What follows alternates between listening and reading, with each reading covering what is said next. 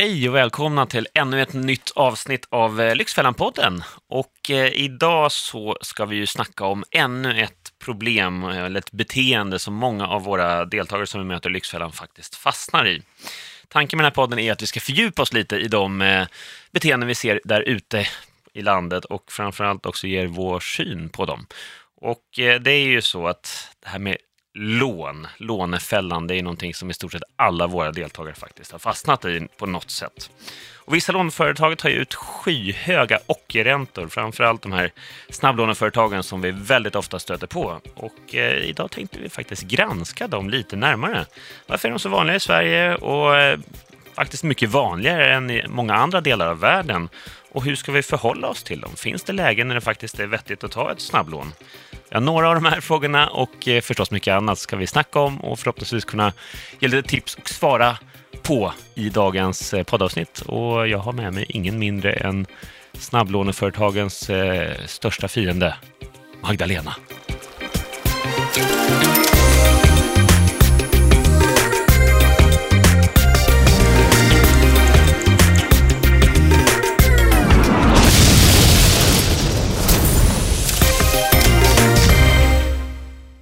I egen Eller? person, Ja. absolut. En jag. av dem i alla fall. Jag tänkte dig att jag sitter här med cap och eh, supermanglasögon och sådär till, till konsumentens undsättning. Ja, du, du ser väldigt vass ut idag med dina businessbriller, måste jag säga. Tack så mycket. skar, skarp. Tack så mycket. Ja, eh, Känner och du det så? Jag, jag är skarp. Ja, det vet alltså, jag. om du Men googlar skarp så är det mig du ser. skarpsynt åtminstone idag. Ja, nej, jag känner mig på hugget. Eh, Det här ligger mig ganska varmt om hjärtat och det ska också sägas att förutom att du och jag levererar våra egna åsikter och granskningar här så hoppas vi ju förstås att om vi kan skicka med en eller två eller många lyssnare där ute ett litet mer kritiskt granskande öga till den här snabblånesektorn så har vi ju lyckats. Verkligen. Det är ambitionen. Vi är väldigt kritiska, vilket nog har börjat eh, framgå och vi hoppas att fler börjar höja garden lite och sin vaksamhet.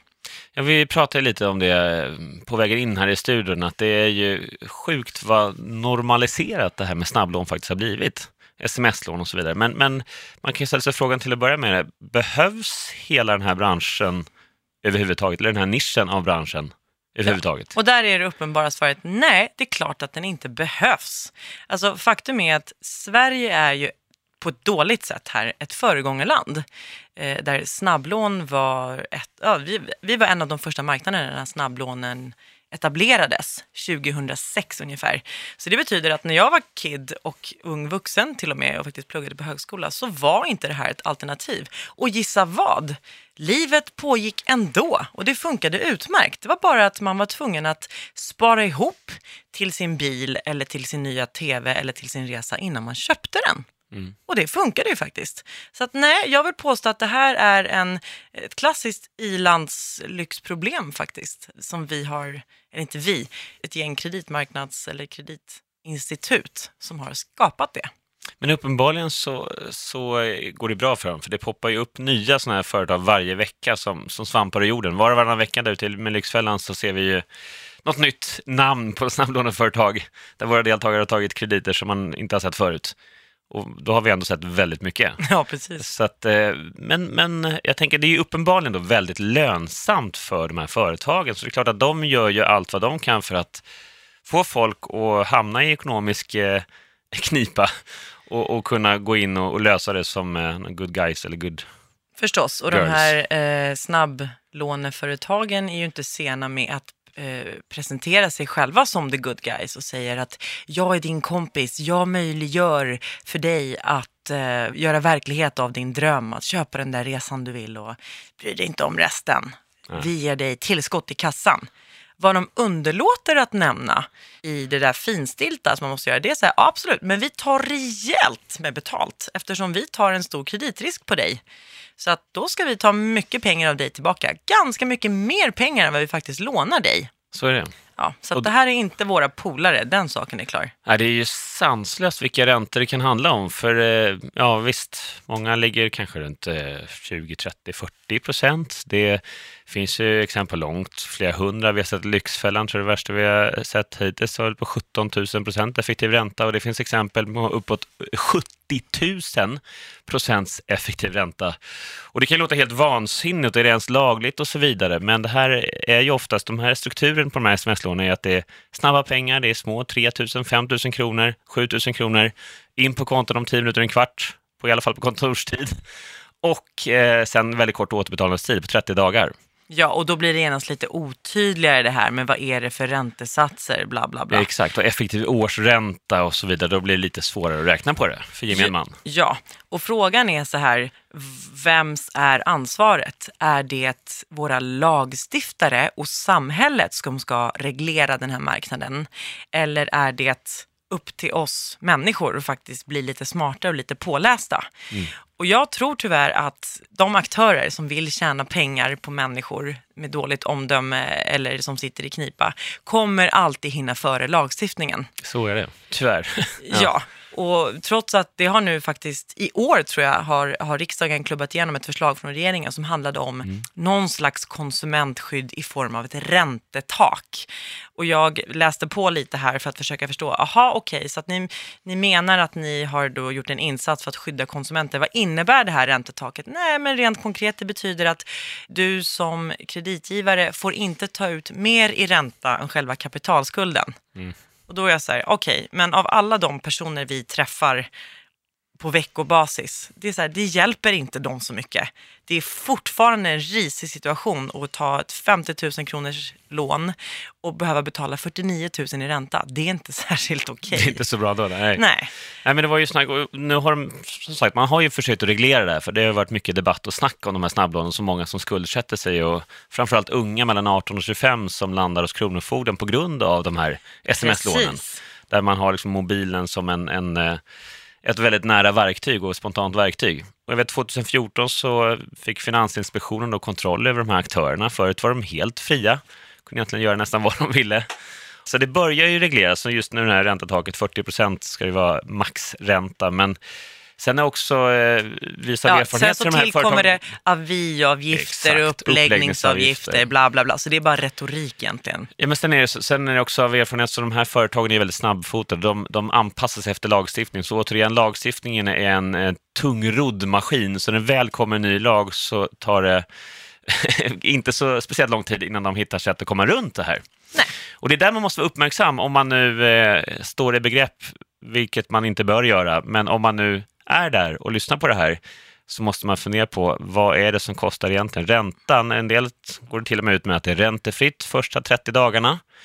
Och eh, det är ju en fin omskrivning, för kolla vad totalt det handlar om. Det kan vara ett snabblån på en 500 som sitter på ditt konto om fem minuter. Men du har en uppläggningsavgift på 369 kronor till exempel. Så är det ganska stor del av, av kapitalbeloppet på en gång innan den har börjat prata ränta. Ja, och låt dig inte luras. De här eh, företagen har noggranna studier och statistik som visar på att vi lånar, eh, eller de, de vill gärna låna ut till folk med dålig återbetalningsförmåga. För det är just efter de här 30 dagarna, när, när det kickar in dröjsmålsräntor och sånt där, som de börjar tjäna riktiga pengar. Ja, och det är ganska grova räntor på, det, på den fronten också. Ja. Och påminnelseavgifter på så här 200 kronor. De kan köra nästan vad de vill.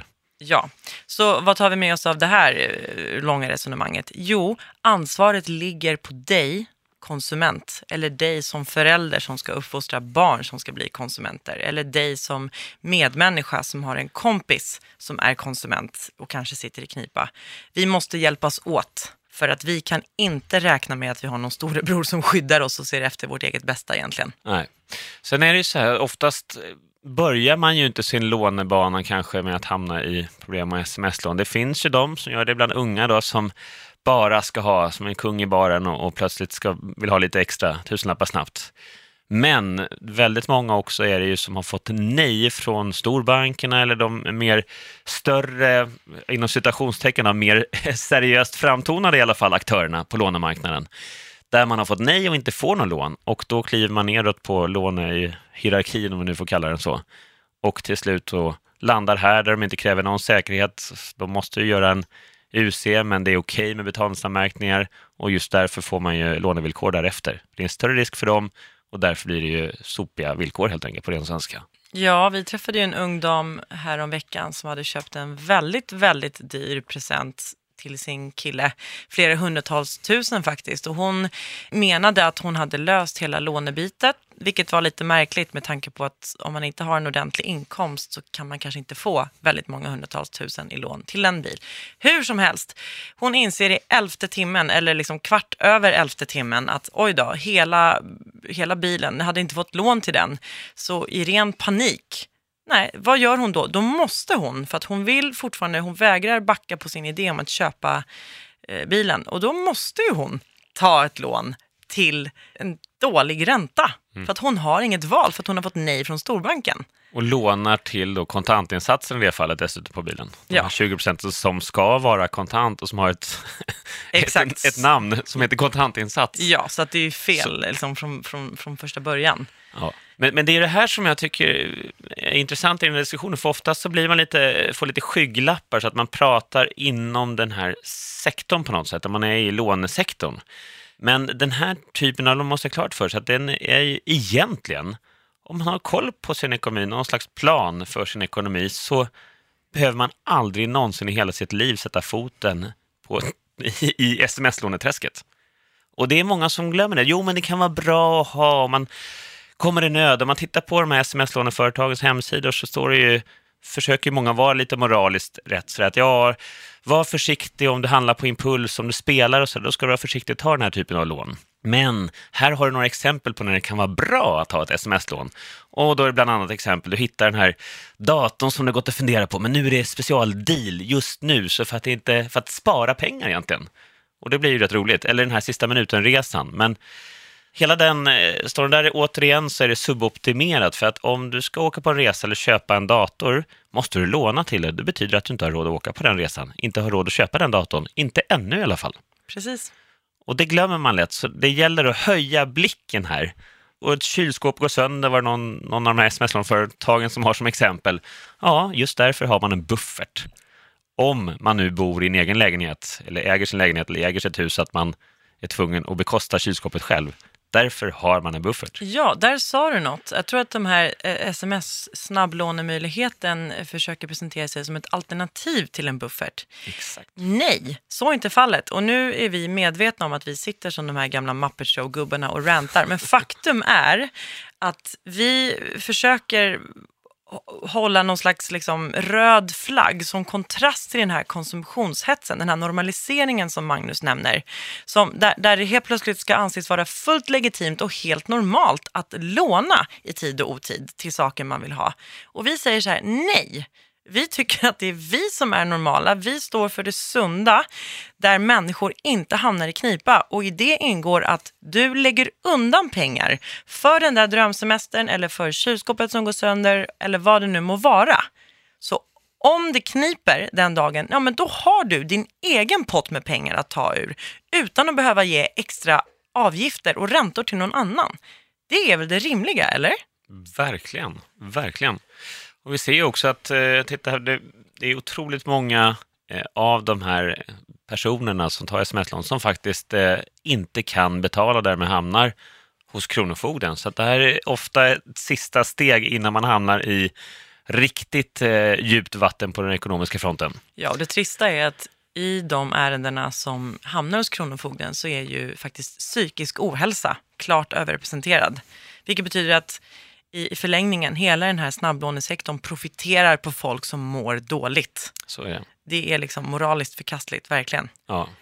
Och sen är det ju också så märkligt hela den här, vad ska jag säga, logiken med de här lånen. Att okej, okay, om det nu är någonting som det är panik över här, som du inte har pengar till, och så eh, tar du ett sms-lån och får 5 000 på kontot, och så vänta nu, om du inte har de pengarna i den storleksordningen nu den här månaden om du har samma lön eller samma inkomst nästa månad och nästa månad igen, hur ska du då plötsligt ha den marginalen nästa månad? Hur ska du ha råd att betala det här nästa månad?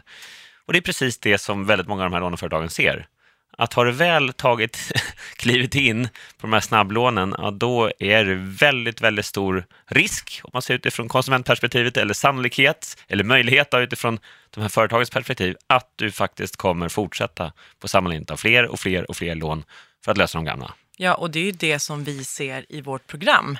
Att någon som har tagit ett litet lån men sen inte kunnat betala tillbaka så har det bara vuxit och vuxit och ränta på ränta och i ren panik för att liksom stävja ett lån så tar man ett ännu dyrare lån för att bli av med det gamla och så bara gräver man sin egen grop jätte, jättedjupt utan att ens förstå vad som händer. Nej, det, där är, det är farligt beteende och just att förstå att det här är farligt. Jag tror också att många av de här personerna som landar i den här typen av lån har, det ser vi i Lyxfällan många gånger, har vänner, bekanta, kanske familjemedlemmar, syskon som också har liknande situationer, liknande ekonomiska trångmål. Och med andra ord så blir det, ja men vänta, har Kalle eller Lisa eller grannen gjort det eller kollegan gjort likadant? Så blir det mer, ja men då är det väl inte så farligt. Om alla andra gör det om alla andra inom citationstecken gör det. Normaliseringen. Normaliseringen, den är livsfarlig. Så jag tror också det behövs verkligen någon på barrikaderna som slår ett slag för det här gamla hedliga. varför ska du ta ett snabblån för att köpa någonting som du inte har råd med? Se Nej. till att spara tills du har råd med det och köp det då och slipp hela den här branschen. Slipp de här problemen, slipp den psykiska ohälsan, slipp de räntesatserna. Precis, kliv inte på det där tåget överhuvudtaget. Och är det så att man har käkat upp sin buffert och man vill, behöver köpa en ny dator och den blir dyr om en månad. Men vet du vad? Fråga en vän, fråga en, en förälder eller någon som, som, som du litar på, som ska kunna lita på dig tillbaka, att du betalar igen det du mm. är skyldig. Det ger också någon slags annan mental press på att faktiskt göra rätt för sig snabbt. Precis. Vet du vad? Om du ändå tycker att nej, men jag är stor, jag får bestämma själv, jag ska ta mitt lån. Okej, okay. gör då det tråkiga att läsa det finstilta. Sätt dig in i villkoren. Du måste veta vad du ger dig in på. Du må, liksom, gör den kalkylen. Vad kommer det här kosta mig givet mina framtida inkomster? Kan jag betala det? Gör det bara.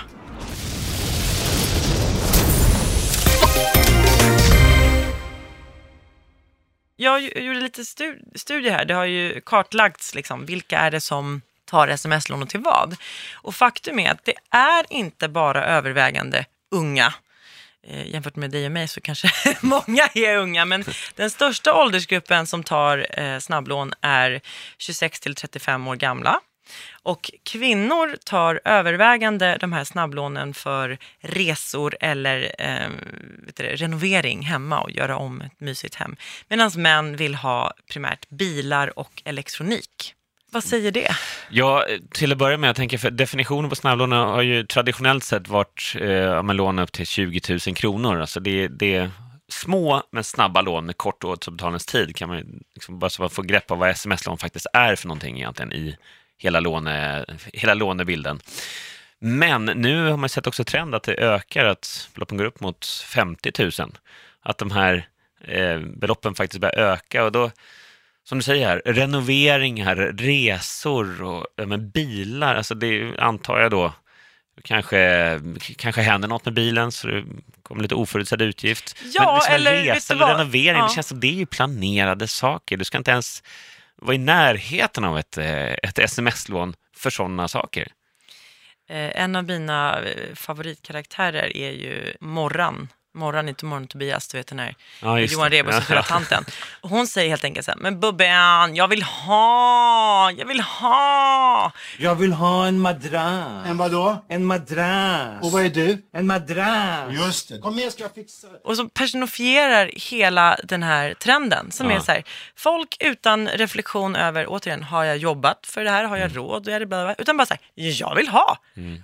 Och jag tycker att jag ska ha, oavsett. Och det är nästan en mäns som en mänsklig rättighet att få ja. exakt det jag vill ha just nu, få det direkt stilla till begäret. Ja, och det är så obegripligt för mig, för att i ganska stora delar av världen så kanske man inte ens har en egen lägenhet. Det eh, finns folk som bor hemma hos sina föräldrar när de är 40, för att det fanns inte pengar till ett hus. Nej. Eller Men... verkligen inte ny bil för över halvmiljonen när man inte ens har ett jobb. Nej. Men det här är intressant. Hur kommer det sig egentligen, kan man fråga sig då, att det är så mycket vanligare med eh, snabb, att den här branschen finns och blommar eller blomstrar som aldrig förr här uppe i de nordiska länderna, eller framförallt Sverige. Jämfört med bara komma ner lite längre ner i Europa så, så finns ju knappt den här sektorn alls. Kan det vara så att vi är i Sverige uttråkade? Ja. Det är en- Sitter inne för mycket på vintern. alltså Exakt, det är en att tänka, väldigt, väldigt lång vinter. Ja. Så är det ju faktiskt. Det är svårare att umgås med kompisar och göra som säga, gratisnöjen Ja. när det är kallt och mörkt. Ja, kanske. Eh, kan det vara Man så? kan ju umgås inne. Ja, Alltså är det det? Men det, det kanske, du kanske har rätt, jag vet inte. Men det, det, känns bara så, bara. Det känns så sjukt. Det kanske är precis det det beror på. Vet du vad, vi slänger, jag tycker vi, så här, vi slänger ut en fråga till våra lyssnare. Ja, för att vi vill jättegärna, vi kan ju sitta här och, på vår kammare och vara präktiga och spekulera i det här. Men berätta gärna för oss, så här, varför är det så stor konsumtionshets i Sverige? Varför köper vi så mycket grejer som vi inte har råd med? Mm. För att säga, ja, du behöver en vinterjacka, du behöver inte fyra. Utan det är ju, det är ju lite lyx, verkligen, i ordets rätta bemärkelse. Att Men man, Magdalena, om alla kompisarna har det då? Jag vill ha! Ja, jag vill ha babyn, jag vill Va? ha. Nej, men det, egentligen, det, det är ju sjukt. Det är skapade behov det här. Det har ju inget med egentligen eh, vad du måste ha, utan det handlar om vad du vill ha. Det är en väsentlig skillnad mellan de två. Verkligen. Jag tycker också det är så extremt viktigt att förstå att allt här när det kommer till snabblån, som många säger, men jag var tvungen, det har vi många av våra deltagare sett, men jag, jag var i en trängd situation, jag var tvungen att ta det här och för att då köpa något som de ville ha. Jag var tvungen att köpa den nya mobilen för min gamla hade gått sönder. Ja, eller så kunde du ta någon av de åtta passerade som ligger i byrålådan tillfälligt. Ja, men den hade ju det gått sönder den senaste, då måste jag köpa en ny. Nej, det måste du inte. Du ville ha en ny. Du kunde tagit den gamla. Men det är den här Slit och släng. Ja, men någonstans så är det ju, vi sliter inte och slänger längre, utan vi köper och slänger. Köp och släng. Tiden lever vi i. För att det är, men det är det som jag är lite frustrerad över, är att liksom man, man funderar inte ens på den här att planera sin ekonomi. För har du planerat, har du en buffert, du behöver aldrig fundera på de här sakerna. Alltså det, det handlar ju bara om planering, så hela den här branschen i min värld så är det ett resultat av att folk är impulsiva och att folk inte tänker efter och vill ha allt nu. Direkt belöning.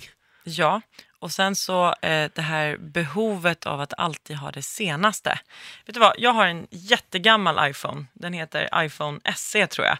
Eh, och i mitt fall är det ett väldigt medvetet val. Dels för att jag inte gillar de där stora skärmarna för att jag har små händer.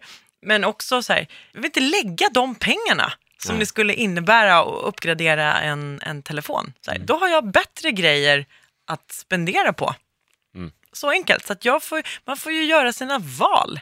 Man, priori, absolut, om, om, om tel, ny telefon eller en ny vinterjacka är viktigt för dig, varsågod, gör det om du har jobbat ihop. Men då får du välja bort någonting annat. Man kan inte få allt hela tiden.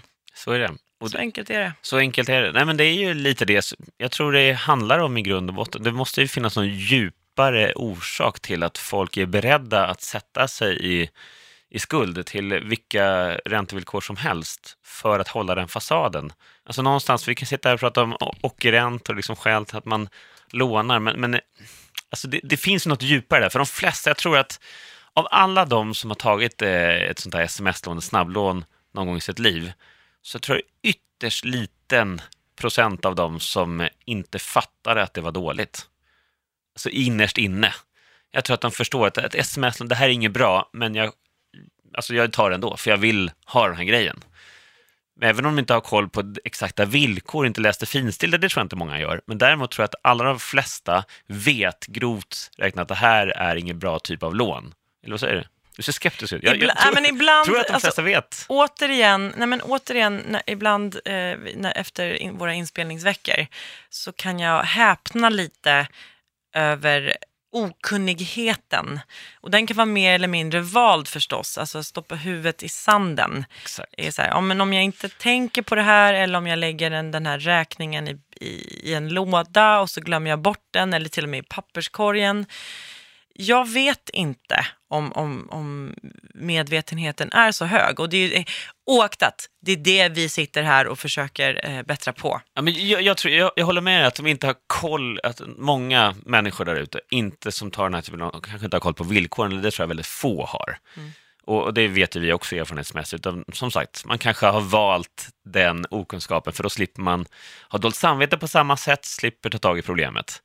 Men däremot så tror jag att de allra flesta vet att om jag tar den här typen av lån och konsumerar det på en gång, det är ju inget bra egentligen. Men Nej. jag, vet, jag vill inte veta exakt hur Fast, dåligt det är. fast samtidigt, vi är människor. Så här, jag vet att det inte är bra att äta en halv prinsesstårta. Men det händer att jag gör det ändå. Nej, okej, det var en lätt överdrift. Jag skulle kunna äta tre bitar tror jag. Okej. Och, och sen, men förstår du vad jag menar? Nej, men det är jo, klart jo, att jo. vi till mans gör saker som vi vet inte är bra. Nej, precis. Oaktat, så här, vi kan väl vara eniga om att räkna med att en aktör som vill låna dig, som är, som är ivrig att låna dig pengar, som när du surfar på internet skickar en litet pop-up-fönster som säger “Tjena, hörru du, vill du låna pengar? Langa din adress här så, så fixar vi det lite snabbt”. Och du kan liksom inte ens klicka ner det fönstret utan den sitter kvar i rutan när du surfar vidare. Du kan räkna med att det här är inte en aktör som vill dig väl. De vill åt dina pengar och du ska hålla garden högt. Och det är det här som är också faran med just de här snabblånen kontra ett, ett vanligt lån. De ska gå till banken och fylla i massa blanketter, de ska göra en UC och det, det finns ju liksom en, en tids, eh, tidströskel här. Att det är inte så lätt och innan pengarna sitter på kontot. Om du ska ta ett bolån till exempel så är det en process. Det tar ett tag innan får ett eh, lånelöfte, måste ansöka. Det är liksom en ganska eh, tungrodd process. Det finns poänger med det. Och det finns poänger med det, verkligen. Så eh, det är det som är faran här. Här kan du, bam, gå in på nätet med, eller gå in på nätet, med din mobil och så på några få minuter så sitter pengarna på kontot och det gör ju att har du då svårt med att styra dina impulser så är det extremt lätt att landa här. Det finns liksom ingen eh, ekonomisk eller mental tröskel. Ja, för hade du gått in på storbanken och så presenterar de dig med ett papper och så här, hej, ja absolut, varsågod, eh, 15 procents effektiv ränta. Då kommer du säga, men far åt helvete och så går du därifrån. Men om du står på krogen, kanske med något järn innanför västen eller du vill väldigt gärna bla bla bla åt något och du har lite tidspress, ja då är det helt andra villkor. Okej Magdalena, ska vi försöka ro ihop de här uh, vidlyftiga diskussionerna till eh, tre konkreta handfasta tips? Det tycker jag. Låt oss göra det som du brukar säga. Då. Och eh, nummer ett tycker jag, om, om du inte har råd att betala nu, hur ska du då kunna betala om en månad? När du antagligen då har samma inkomst som du har nu.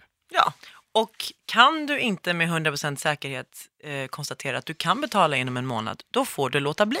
Exakt. Så enkelt är det. Ja, nummer två då? Ja, eh, här vill vi ju gärna att du undviker eh, de här snabblåneföretaget. Så tänk så här, om det nu är så att du inte har en buffert eller att det du vill köpa överstiger din buffert eller bla bla bla, vilken anledning det nu vara och du behöver låna pengar.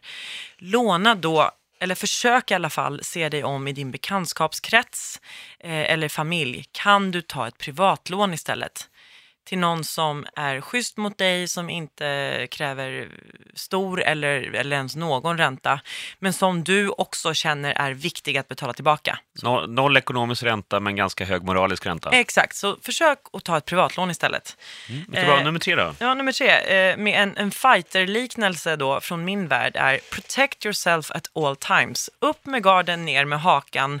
Och är det så att du ska ge dig in i den här fighten som det faktiskt är och kommer bli garanterat, då ska du ha på fötterna. Då får du läsa villkoren, lusläs siffror, gör din kalkyl. Hur mycket kommer det här kosta mig?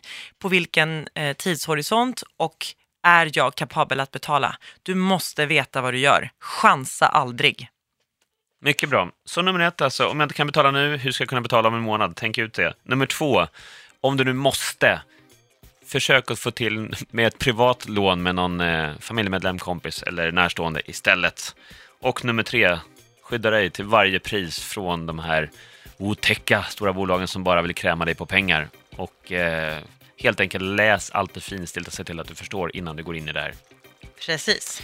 Och har du frågor till oss eller vill du berätta vad, vad du tycker så mejla gärna till lyxfallan at ilikeradio.se. Vi kommer ju med ett nytt avsnitt av Lyxfällan-podden varje tisdag och samma kväll ser du även Lyxfällan i TV3 via Play och via Free. Så är det och eh, vi hörs självklart igen om en eh, vecka med ett nytt spännande Lyxfällan-ämne. Och tills dess så får ni ha det så härligt där ute och spring snabbt, lev snabbt men ta absolut inga snabblån. Vi Well hörs. said.